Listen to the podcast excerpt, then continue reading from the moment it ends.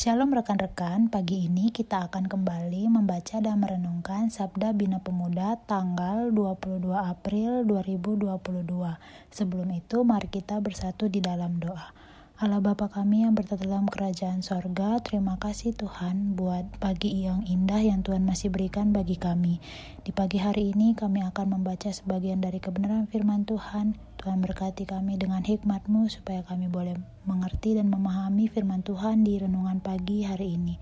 Berfirmanlah ya Bapa, karena kami anak-Mu telah siap untuk membaca dan merenungkannya. Dalam nama anak-Mu Tuhan Yesus Kristus kami sudah berdoa dan mengucap syukur. Amin. Pembacaan Sabda Bina Pemuda kita terambil dari Yohanes 15 ayat 9 sampai 17. Perintah supaya saling mengasihi. Seperti Bapa telah mengasihi aku, demikianlah juga aku telah mengasihi kamu. Tinggallah di dalam kasihku itu. Jikalau kamu menuruti perintahku, kamu akan tinggal di dalam kasihku, seperti aku menuruti perintah Bapakku dan tinggal di dalam kasihnya. Semuanya itu kukatakan kepadamu, supaya sukacitaku ada di dalam kamu dan sukacitamu menjadi penuh. Inilah perintahku, yaitu supaya kamu saling mengasihi seperti aku telah mengasihi kamu. Tidak ada kasih yang lebih besar dan daripada kasih seorang yang memberikan nyawanya untuk sahabat-sahabatnya. Kamu adalah sahabatku, Jikalau kamu berbuat apa yang kuperintahkan kepadamu, aku tidak menyebut kamu lagi hamba, sebab hamba tidak tahu apa yang diperbuat oleh tuannya. Tetapi aku menyebut kamu sahabat, karena aku telah memberitahukan kepada kamu segala sesuatu yang telah kudengar dari Bapakku. Bukan kamu yang memilih aku, tetapi akulah yang memilih kamu. Dan aku telah menetapkan kamu supaya kamu pergi dan menghasilkan buah, dan buahmu itu tetap supaya apa yang kamu minta kepada Bapa dalam namaku diberikannya kepadamu. Inilah perintahku kepadamu, kasihilah seorang akan yang lain. Kamu adalah sahabatku. Mempunyai seorang best friend atau bestie adalah anugerah yang perlu kita syukuri. Kita dapat bercerita tentang apa pun yang mau kita ceritakan. Kita juga dapat mendengar cerita mereka yang bisa jadi hanya kita yang tahu.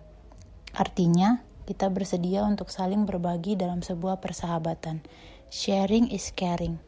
Persahabatan yang saling berbagi menunjukkan kepedulian terhadap satu sama lain. Yesus menganggap para murid sebagai sahabatnya. Yesus telah berbagi kepada mereka. Yesus berkata, Aku menyebut kamu sahabat karena aku telah memberitahukan kepada kamu segala sesuatu yang telah kudengar dari Bapakku. Yesus menunjukkan kepedulian terhadap para murid dan juga kasihnya kepada mereka. Yesus bersedia berbagi kepada para murid. Ia berbagi banyak hal, termasuk ajaran-ajaran dari Bapa di surga. Yesus berharap agar para murid saling mengasihi seperti ia telah mengasihi mereka. Inilah yang Yesus inginkan dari sebuah persahabatan. Yesus telah memberi teladan tentang bagaimana menjadi seorang sahabat yang sejati. Ia mengatakan, tidak ada kasih yang lebih besar daripada kasih seorang yang memberikan nyawanya untuk sahabat-sahabatnya. Persahabatan yang sejati ditunjukkan dengan kesediaan untuk berkorban. Seorang sahabat akan selalu berempati terhadap sahabatnya dan selalu mendukung untuk hal yang baik, tetapi menegur untuk hal yang salah. Seorang sahabat juga selalu mengingatkan.